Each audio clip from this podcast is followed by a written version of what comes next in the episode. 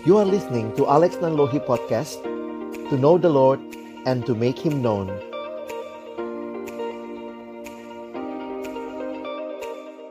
Mari kita berdoa.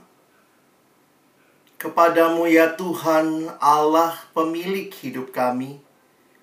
Allah yang menjadi segala-galanya Yang terutama above all di dalam hidup kami kami datang dan bersyukur ya Tuhan buat kesempatan siang hari ini kami boleh bersama bersekutu memuji memuliakan namamu dan kami juga boleh dapat kesempatan untuk belajar akan kebenaran firman-Mu. Ya Tuhan kami mohon, ketika kami akan membuka firman-Mu, bukalah juga hati kami. Jadikanlah hati kami seperti tanah yang baik, supaya ketika benih firman Tuhan ditaburkan itu boleh sungguh-sungguh berakar, bertumbuh, dan juga berbuah nyata di dalam kehidupan kami. Berkati baik hambamu yang menyampaikan, setiap kami yang mendengar, Tuhan tolonglah kami semua. Agar kami bukan hanya jadi pendengar-pendengar firman yang setia, tapi mampukan dengan kuasa pertolongan dari rohmu yang kudus. Kami dimampukan menjadi pelaku-pelaku firman-Mu, di dalam hidup kami, di dalam masa muda kami. Bersabdalah ya Tuhan kami umatmu sedia mendengarnya di dalam satu nama yang kudus, nama yang berkuasa, nama Tuhan kami Yesus Kristus. Kami menyerahkan pemberitaan firman-Mu. Amin. Shalom, selamat siang teman-teman sekalian. Bersyukur buat kesempatan ini boleh sharing firman Tuhan dengan teman-teman sekalian dan saya akan uh, coba share screen untuk uh, siang hari ini ya. Nah, teman-teman yang dikasihi Tuhan, uh, saya akan membahas tema yang juga tentunya ini jadi satu pergumulan buat banyak orang begitu ya. Waktu kita bicara mengetahui kehendak Allah ya. Jadi, sama-sama kita akan melihat tema ini dan bagaimana Alkitab menyaksikan tentang hal ini. Nah, teman-teman, saya akan share terlebih dahulu, lalu kemudian nanti ada waktu, mungkin kalau bisa tanya jawab, silahkan. Sehingga kalau ada hal-hal yang teman-teman mau tahu lebih jauh atau ada yang kurang jelas, kalian bisa tanyakan. Nah, saya mulai dengan satu pemahaman tentang manusia bahwa ketika Allah menciptakan manusia, ada hal yang menarik dikatakan manusia adalah gambar Allah. Manusia adalah image of God. God created man and women in his own image. Apa maksudnya? Ketika dikatakan manusia adalah gambar Allah, maka sebenarnya di sini bicara tentang manusia yang punya relasi dengan Allah. Tuhan menciptakan kita sebagai makhluk yang berelasi dengan Dia. Karena itu saya mengutip kalimat dari seorang bernama Nicky Gamble. Beliau berkata, pria dan wanita diciptakan untuk hidup dalam hubungan dengan Allah.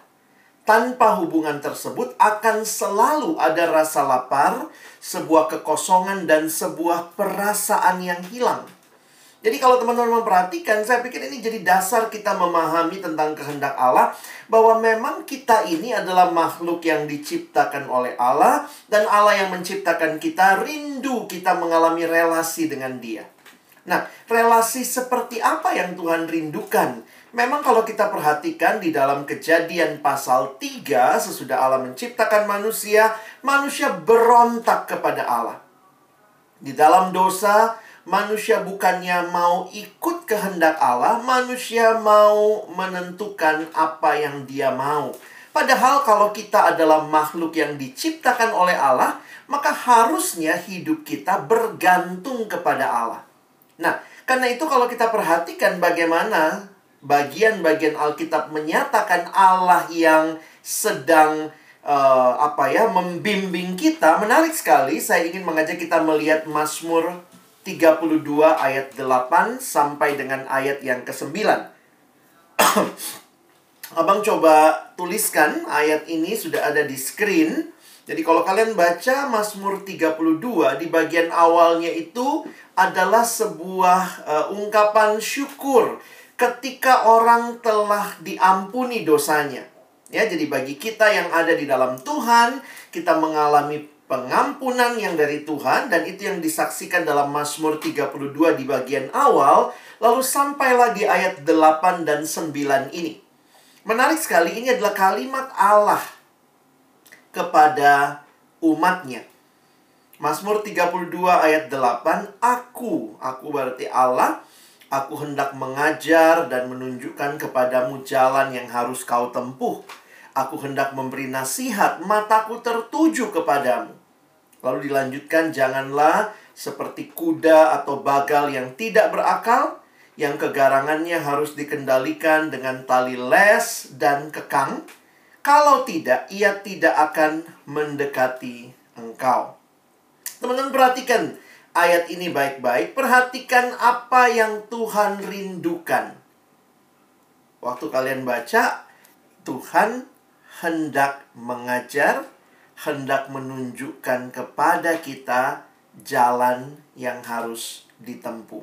Karena itu sebenarnya menarik di dalam kita memahami topik ini ada dua istilah yang biasanya muncul. Memang dua istilah ini bisa dipertukarkan, tapi ada yang Abang ingin angkat, jangan sampai kita pakai istilahnya dengan asumsi yang tidak tepat.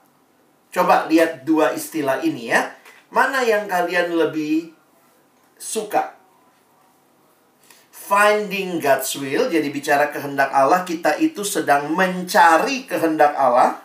Jadi ini menjadi pertanyaan, apakah kita sedang mencari kehendak Allah? Ataukah kita bicara mengetahui kehendak Allah?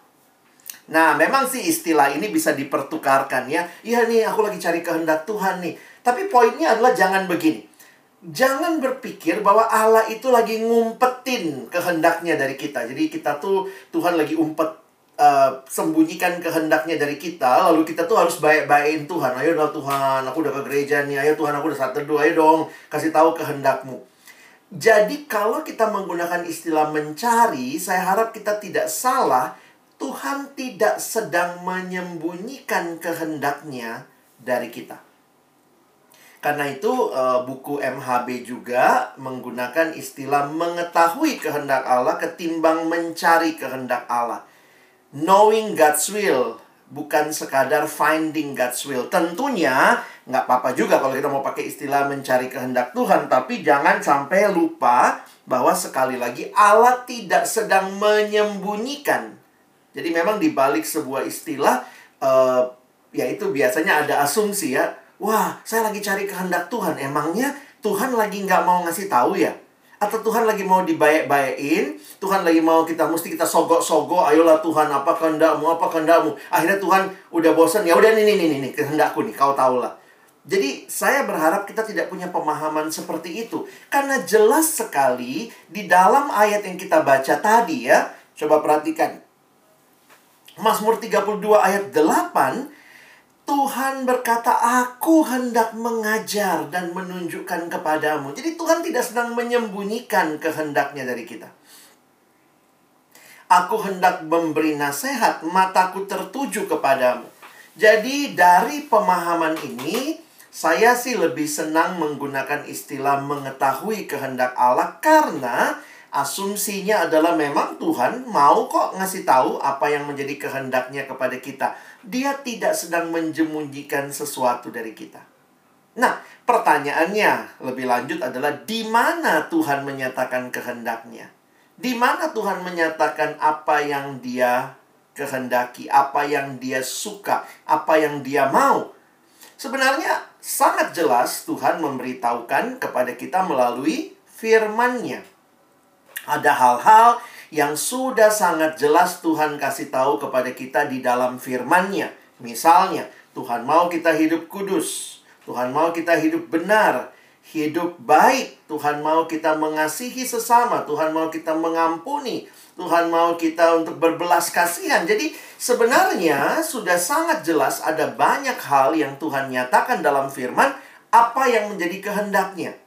Karena itu ada satu kalimat menarik yang mengatakan begini, jangan bilang Tuhan uh, jangan mimpi mengetahui kehendak Tuhan dengan Alkitab yang tertutup. Kalau kamu nggak pernah baca, kamu nggak pernah buka. Nah, saya sering kali kan ketemu anak SMA ya.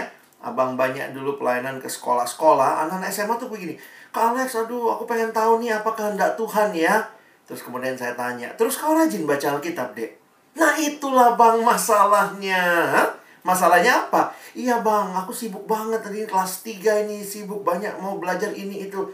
Banyak orang mau tahu kehendak Tuhan, tapi tidak mau baca firman. Banyak orang mau tahu kehendak Tuhan, tapi tidak punya relasi dengan Tuhan. Ini namanya mimpi.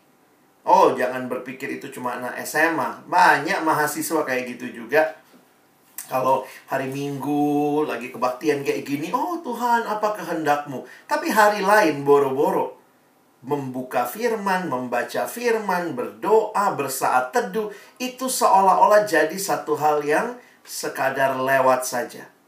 Jadi ini jadi harusnya kesempatan bagi kita yang rindu mengetahui kehendak Tuhan. Apalagi kita tahu bahwa Tuhan tidak sedang menyembunyikan kehendaknya dari kita. Maka biarlah teman-teman memberi diri. Benar-benar punya relasi dengan Tuhan dan memberi diri membaca merenungkan firman-Nya karena di dalam firman-Nya ada begitu banyak hal yang sangat jelas yang Tuhan kehendaki. Jadi kalau kita bergumul ya saya pikir jangan lagi gumulin hal-hal yang sudah jelas ya Misalnya ada yang doa Tuhan nyontek nggak ya? Nyontek nggak ya? Ya ampun, udah jelas kok. Jangan berbohong, jangan berdusta, jangan mengambil yang bukan milikmu. Nyontek itu kan seperti itu. Jadi jangan wasting time mencari kehendak Tuhan untuk hal-hal yang sudah jelas. Tuhan nonton pornografi nggak ya? Nonton pornografi atau baca Alkitab ya? Nonton pornografi atau hidup kudus ya? Itu bukan pilihan lagi. Mau tahu kehendak Tuhan? Jelas, tinggalkan pornografi, hiduplah di dalam kebenaran. Jadi jangan sekali lagi mempermainkan dengan alasan saya ingin tahu kehendak Tuhan untuk sesuatu yang sudah sudah jelas. Nah, karena itu Mazmur 32 juga menyatakan bagaimana seharusnya respon kita. Nah, menarik sekali di Mazmur 32 tadi ayat 8, sekarang ayat 9-nya. Dikatakan kan Tuhan tadi, aku hendak menunjukkan jalan kepadamu, aku hendak mengajar kamu. Janganlah seperti kuda atau bagal yang tidak berakal. Yang kegarangannya harus dikendalikan dengan tali les dan kekang, kalau tidak ia tidak akan mendekati engkau. Teman-teman, saya menggarisbawahi kenapa yang diangkat kuda bagal dan yang ditekankan kuda dan bagal itu tidak berakal.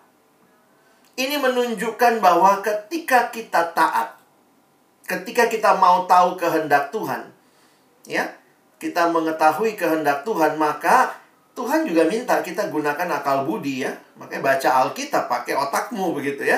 Apa yang Tuhan nyatakan, Pakai akal pikiran yang dia berikan. Jangan seperti kuda atau bagal yang tidak berakal, ya. Jelas-jelas sebaca ayatnya, jangan mencuri. Ya udah, nggak usah nyontek, itu mencuri, begitu ya. Jangan berbohong, nggak usah lagi gumulkan. Aduh Tuhan, nyatakan apakah aku harus bohong atau tidak. Pakai akalmu, udah jelas kok. Dan kalau sudah tahu kehendaknya, belajar taat. Jadi jangan cuma sang, jangan cuma mau tahu kehendak Tuhan, tapi waktu sudah tahu nggak taat. Tuhan apa kehendakmu? Ujian kali ini aku nyontek apa enggak ya? Aku nyogok atau enggak ya? Nanti kalau aku kerja buat teman-teman yang akan jadi alumni, aku korupsi atau tidak ya? Begitu Tuhan bilang, tidak, jangan korupsi. Nah taat. Kalau kita mau tahu kehendak Tuhan, biarlah disertai dengan kerinduan untuk taat kepada kehendaknya. Nah, yang menarik begini teman-teman ya, untuk hal-hal yang sudah jelas memang sudah ada di Alkitab. Alkitab menyatakan hal-hal yang prinsip-prinsip yang jelas tentang kehendak Allah. Nah, tetapi kita juga berbicara kehendak Allah di dalam hal-hal yang bersifat personal. Kalau kita lihat, ini kan yang bersifat umum ya. Semua orang Kristen harus hidup benar, hidup jujur. Semua orang Kristen harus hidup mengasihi Allah, mengasihi sesama. Tapi kemudian waktu bicara hal-hal yang sifatnya pribadi. Misalnya, Tuhan, saya ini ambil jurusan apa ya? Nah, itu kan gimana? Cari di mana? Cari di Alkitab? Nggak ada tuh. Jutek akuntansi. Nggak ada kata akuntansi di Alkitab, misalnya gitu ya. Tuhan, saya ini nanti kerja di mana ya? Tuhan, yang mana pasangan hidup saya ya? Nanti kalian cari-cari nama aja. Oh, Petrus, eh, Maria, Esther ya.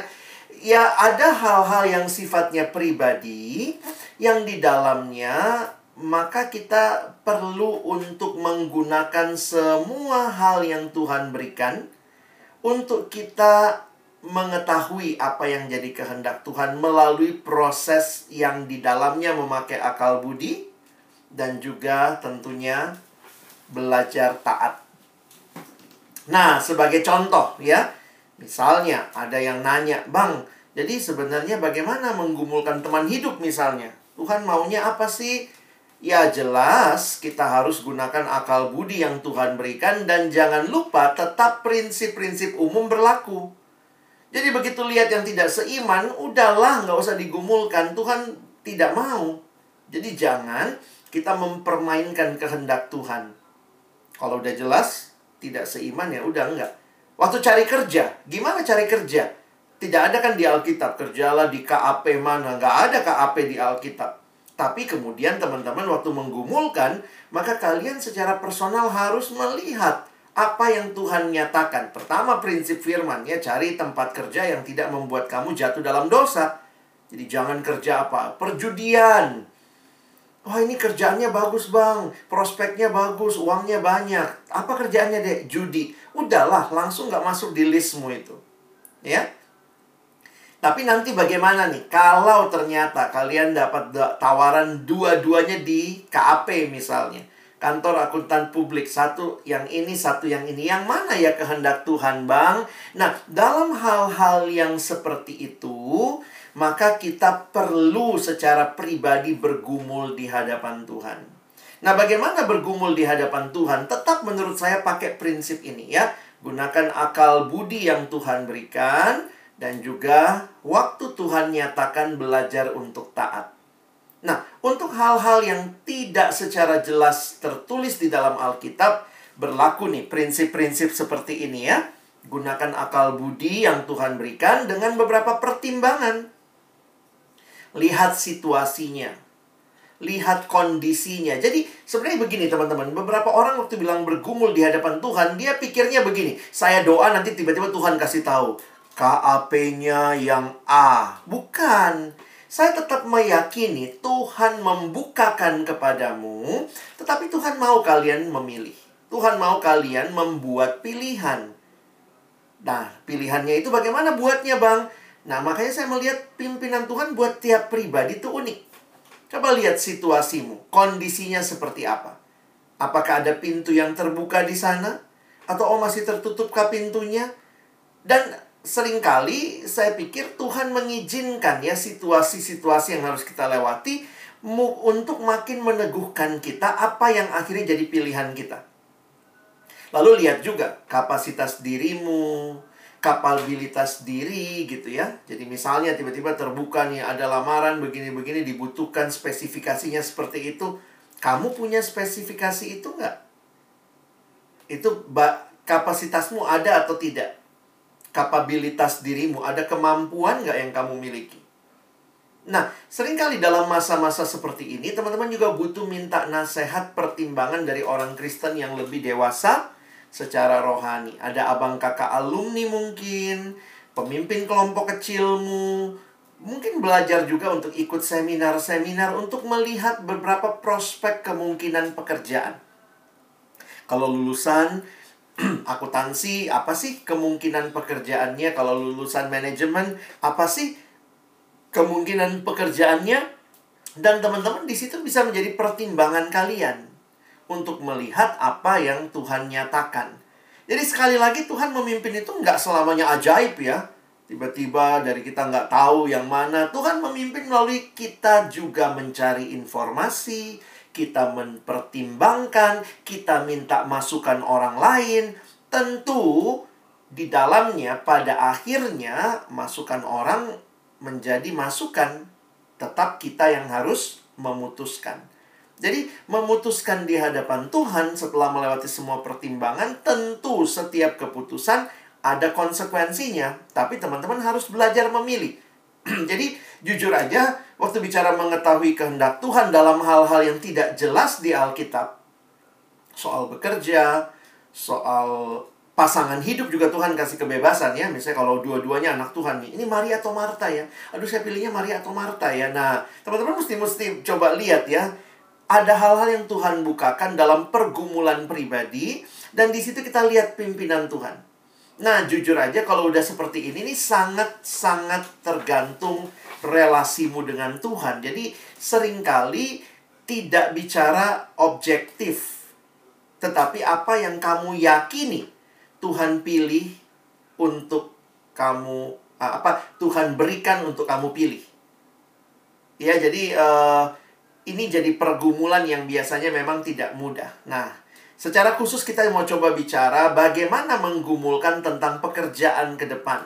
Ya, sering kali waktu kita bicara, kita suka bicara apa panggilanku ya. Kita suka bicara what is my calling. Nah, yang pertama dan terutama yang abang mau kita pahami waktu bicara calling adalah ingat begini. Waktu kita bicara calling, selalu harus ingat. Jangan sekadar ngomong begini aduh saya mau jadi apa ya, saya mau jadi apa ya. Karena banyak orang begitu bicara calling, langsung bayangannya apa? Saya mau jadi apa? Saya mau jadi apa?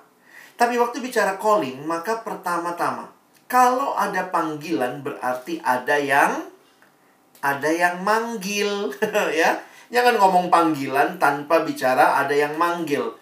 Kalau engkau bicara calling, maka ingat ada caller, ada yang memanggil. Kenapa ini penting? Karena panggilan bukan hanya untuk jadi apa. Tapi panggilan pertama dan terutama adalah dipanggil oleh siapa. Calling is not only about doing something. Kadang-kadang waktu bicara panggilan, aduh saya mau jadi apa ya? Saya mesti mengerjakan apa ya? Apa yang Tuhan mau buat saya ke depan? Tetapi calling is about being called to somebody, which is God kamu dan saya dipanggil kepada Allah. Karena itu ingat, relasi dengan Tuhan itu penting sekali waktu bicara panggilan hidup. Nah, prinsip penting di dalam panggilan untuk bisa membedakan apa yang menjadi panggilan kita, maka saya pikir ingat yang kayak tadi juga ya. Karena ini nggak ada di Alkitab, Tuhan kasih kebebasan berdasarkan apa yang kalian paham cari informasi. Kalau kalian mesti memilih bekerjanya, pertimbangkan. Wah, yang satu kantornya di daerah Priuk, yang satu kantornya di Bogor. Saya tinggalnya di Cawang. Mana yang lebih logis? Di mana saya mesti memilih? Kalau saya pilih ini, apakah saya mesti kos di sana?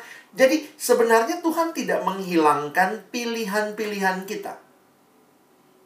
Karena itu, sejauh pekerjaan itu baik, tidak mengikat dalam dosa, memuliakan Tuhan ya apa pun pilihannya menurut saya selalu ada konsekuensinya. Ya. Lain kalau yang satu judi, pekerjaannya berjudi, yang satu kerja di kantoran yang baik ya udah langsunglah pilih kantor yang baik begitu ya. Tapi kalau misalnya satu kantornya di Bogor, satu kantornya di Priuk, nah dua ini nih membutuhkan apa? Pertimbangan. Pertimbangan-pertimbangan yang tidak ada prinsipnya di Alkitab adalah coba pikir-pikir. Mau bagaimana? Dengan tawaran gaji segini cukup nggak transportasi bolak-baliknya? Sementara kamu tinggal di mana? Perlu nggak ngekos? Kalau ngekos bagaimana? Kalau saya nanti kerja di sana? Sehingga sebenarnya bergumul itu adalah di dalam kita bergumul kita cari informasi dan menimbang-nimbang tentunya di dalamnya kita berdoa kita minta Tuhan beri kepekaan, kita minta Tuhan kasih kita bertemu dengan orang-orang yang bisa kasih pertimbangan dengan baik. Jadi biasanya kalau saya sama anak kuliahan gitu ya, atau sama anak SMA deh. Biasanya kalau anak SMA udah bingung gitu ya, kalau udah kelas 3. Mau kuliah apa? Bingung tuh, hah? Kuliah apa ya bang? Bingung bang gitu ya. Nah, memang kalau kita membimbing orang ya, saya biasanya memang paling gampang jangan tanya mau kuliah apa harus dimulai dengan kamu maunya jadi apa. Karena contoh, kalau kamu mau jadi dokter, maka kuliahnya apa? Ya kedokteran, itu kan logikanya begitu. Jadi kadang-kadang kalau saya membimbing anak-anak sekolah gitu ya, mana yang lebih dulu nih? Pilih jurusan kuliah atau pilih pekerjaan? Nah, kadang-kadang memang dalam keterbatasan pemikiran belum tahu sih mau jadi apa, pokoknya udahlah ekonomi dulu deh. Tapi sebenarnya kalau kita mau lebih jauh berpikirnya, harusnya kita selalu mulai dari akhir, ya. Starting from the end of mind. Saya mau jadi akuntan, ya masuk sekolah akuntansi. Masa akuntan masuk ke dokteran? Nggak pas, ya. Jadi sebenarnya cara Tuhan memimpin juga dalam hal-hal yang logis ya Tuhan juga bekerja. Kan bukannya kita lagi saat teduh doa tiba-tiba Tuhan nyatakan dari surga, "Wow, jadilah dokter walaupun kau kuliah ekonomi, kau akan jadi dokter." Saya pikir Tuhan juga membimbing kita melalui proses alamiah. Ya melalui proses alamiah. Ada nggak yang tiba-tiba Tuhan berikan panggilan jadi yang lain? Ya ada juga, seperti saya misalnya ya. Tadinya belajar fisik, tapi kemudian dalam pergumulan pribadi di hadapan Tuhan, meyakini Tuhan panggil saya jadi hamba Tuhan penuh waktu. Tapi kan nggak semua seperti saya. Karena kalau orang lihat, kalau semua seperti Bang Alex misalnya ya, waduh kuliahnya apa, eh jadi apa begitu ya tapi ada pilihan-pilihan panggilan yang Tuhan izinkan seperti itu. Tapi pada umumnya Tuhan memimpin kita melalui proses yang wajar. Tuhan pimpin jadi dokter ya masuk kuliah kedokteran. Tuhan pimpin jadi ekonom masuk melalui kuliah-kuliah ekonomi. Ada beberapa kuliah yang bisa cross, ada juga. Ada anak IPA ambilnya ekonomi, bisa juga. Tapi anak ekonomi susah ngambil yang IPA punya. Jadi dalam per pergumulan, saya pikir mari melihat hal-hal yang menjadi jalur yang Tuhan sediakan. Ya. Nah, sekarang kita masuk lebih jauh kepada pekerjaan. Seringkali yang kita suka bingung. Nah, coba dengar konsep ini baik-baik ya untuk yang uh, baik yang sudah mau alumni maupun yang belum. Kadang-kadang waktu kita bicara calling, kita langsung bilangnya calling itu adalah saya mau jadi apa. Jadi, saya melihat ini salah satu kekeliruan yang sering kali terjadi karena kita suka pikir calling itu adalah job. Calling itu adalah pekerjaan saya. Sementara di dalam saya memahaminya, calling itu tidak identik dengan job dengan pekerjaan atau jabatan tertentu. Karena calling itu lebih luas dari job.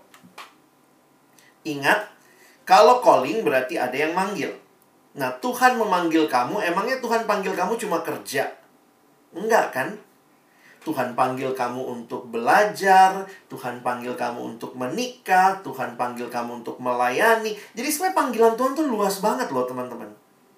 Makanya saya melihat calling itu lebih luas dari sekedar job.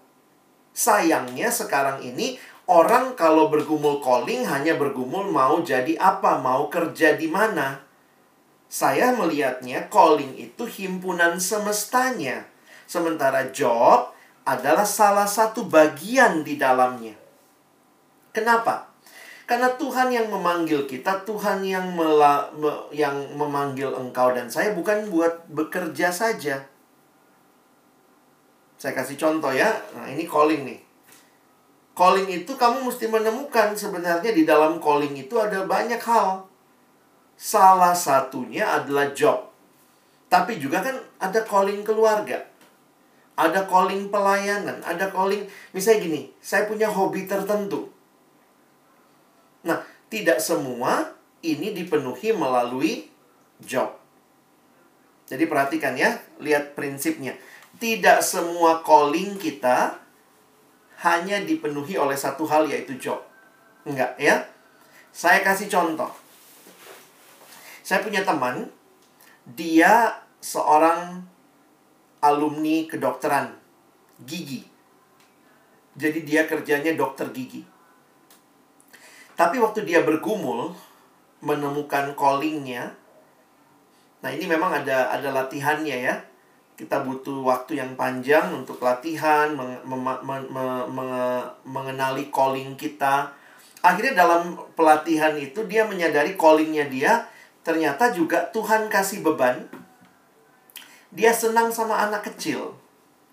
Jadi Tuhan kasih beban sama anak kecil, dia suka ngobrol, main sama anak kecil.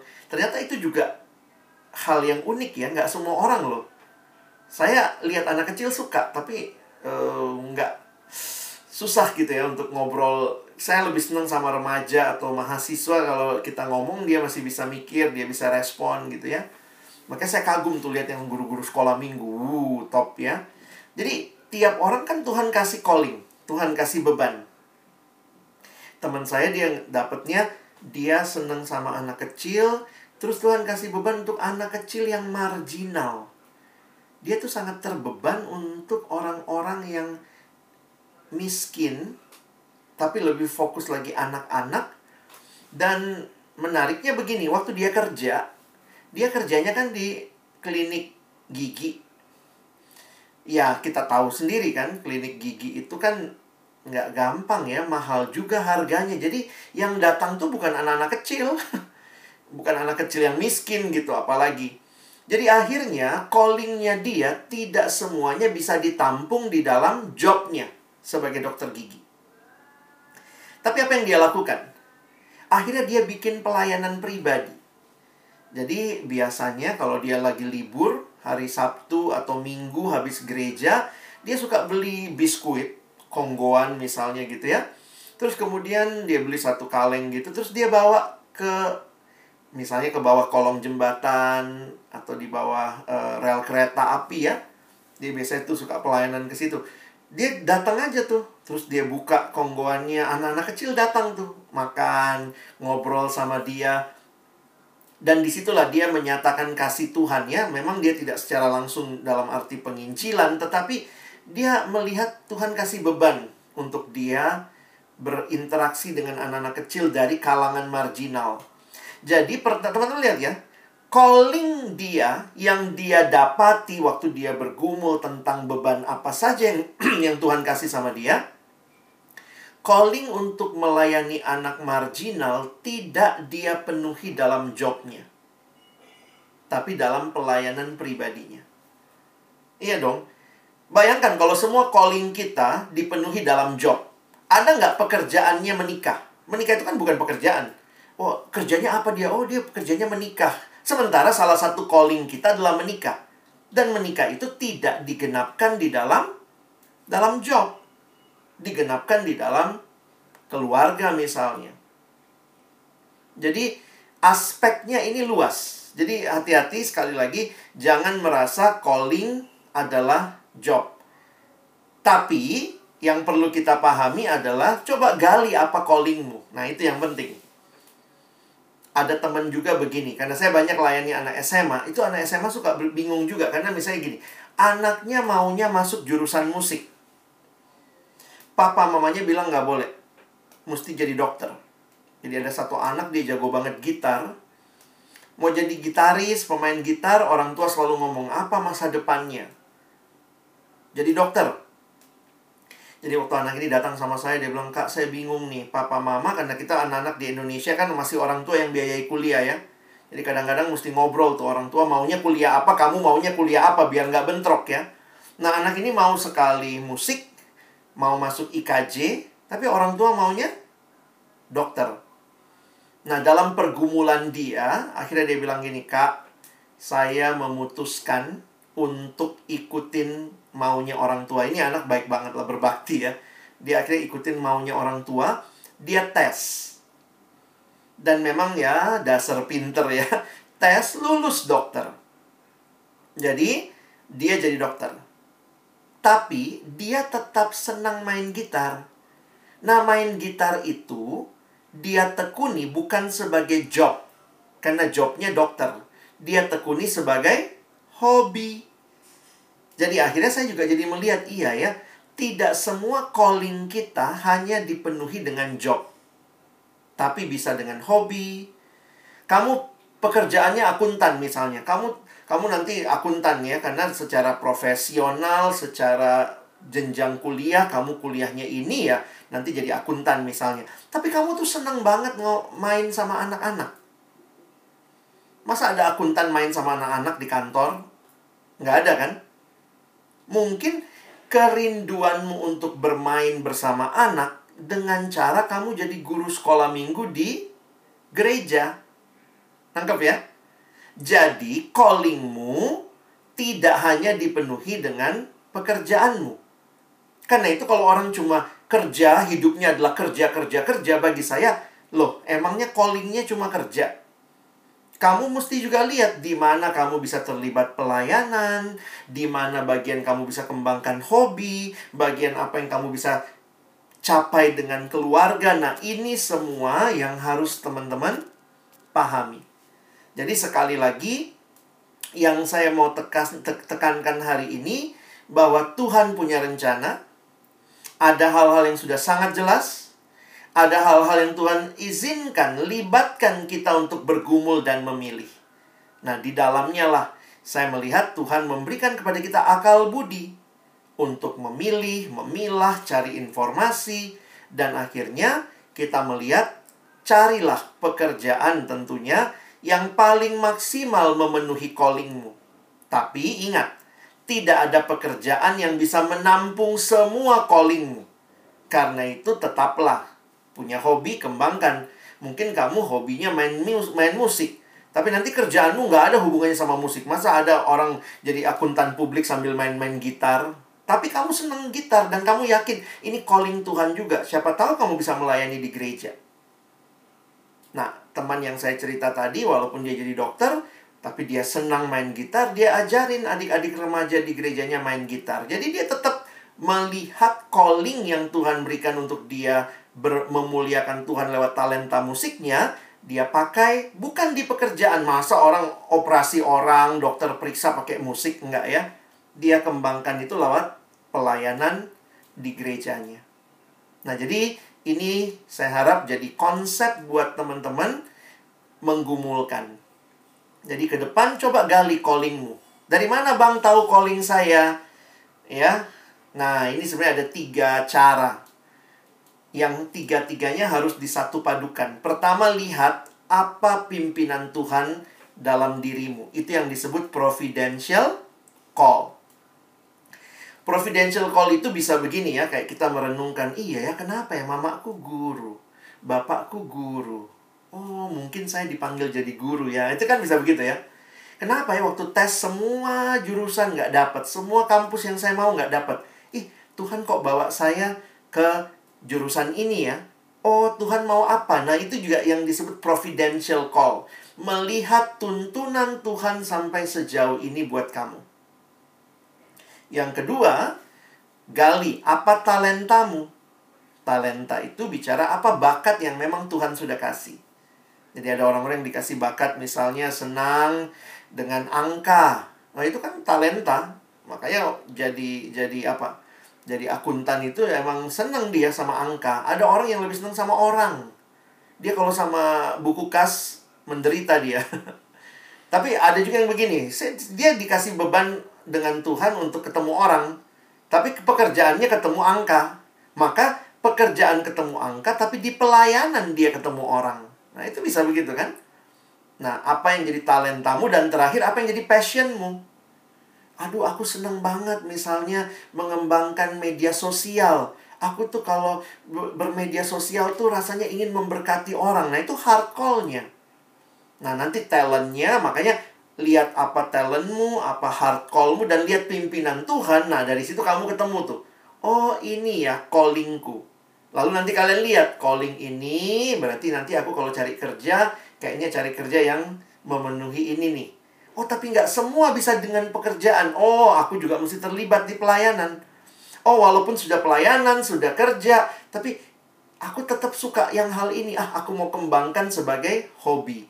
Jadi, teman-teman, dirimu sangat luar biasa Tuhan ciptakan dan Tuhan taruhkan beban-beban calling itu dalam dirimu, carilah dan alami dan nikmati. Jadi hidup tuh bukan cuma kerja.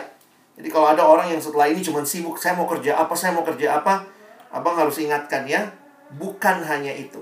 Tapi belajarlah untuk melihat Tuhan bagaimana dengan semua hal yang Tuhan berikan dalam diriku. Aku dipakai Tuhan memberkati orang lain ya. Kiranya pemahaman ini menolong teman-teman boleh makin memahami apa yang jadi calling Tuhan dalam jobmu juga, dalam hidupmu secara utuh, nanti dalam pelayananmu, di mana pun Tuhan hadirkan kamu. Amin. Abang kasih kesempatan, kalau ada yang mau bertanya, saya silakan. Tuhan terima kasih banyak kami boleh belajar kebenaran-Mu dan bagaimana Engkau memimpin kami dan Engkau punya rencana yang indah bagi hidup kami. Bukan hanya supaya kami bekerja, tetapi kami secara utuh boleh dipakai Tuhan menggenapkan rencanamu yang indah bagi dunia ini. Terima kasih. Kami sekali lagi memohon tolong kami bukan cuma jadi pendengar firman, tapi jadi pelaku-pelaku firman yang siap dibentuk, diarahkan oleh Tuhan. Engkau Allah yang hendak menunjukkan jalanmu kepada kami, hendak mengajar kami. Tolong kami menggunakan akal budi kami dalam pimpinan Tuhan, dan tolong kami taat kepadamu. Kami bersyukur dalam nama Yesus kami berdoa.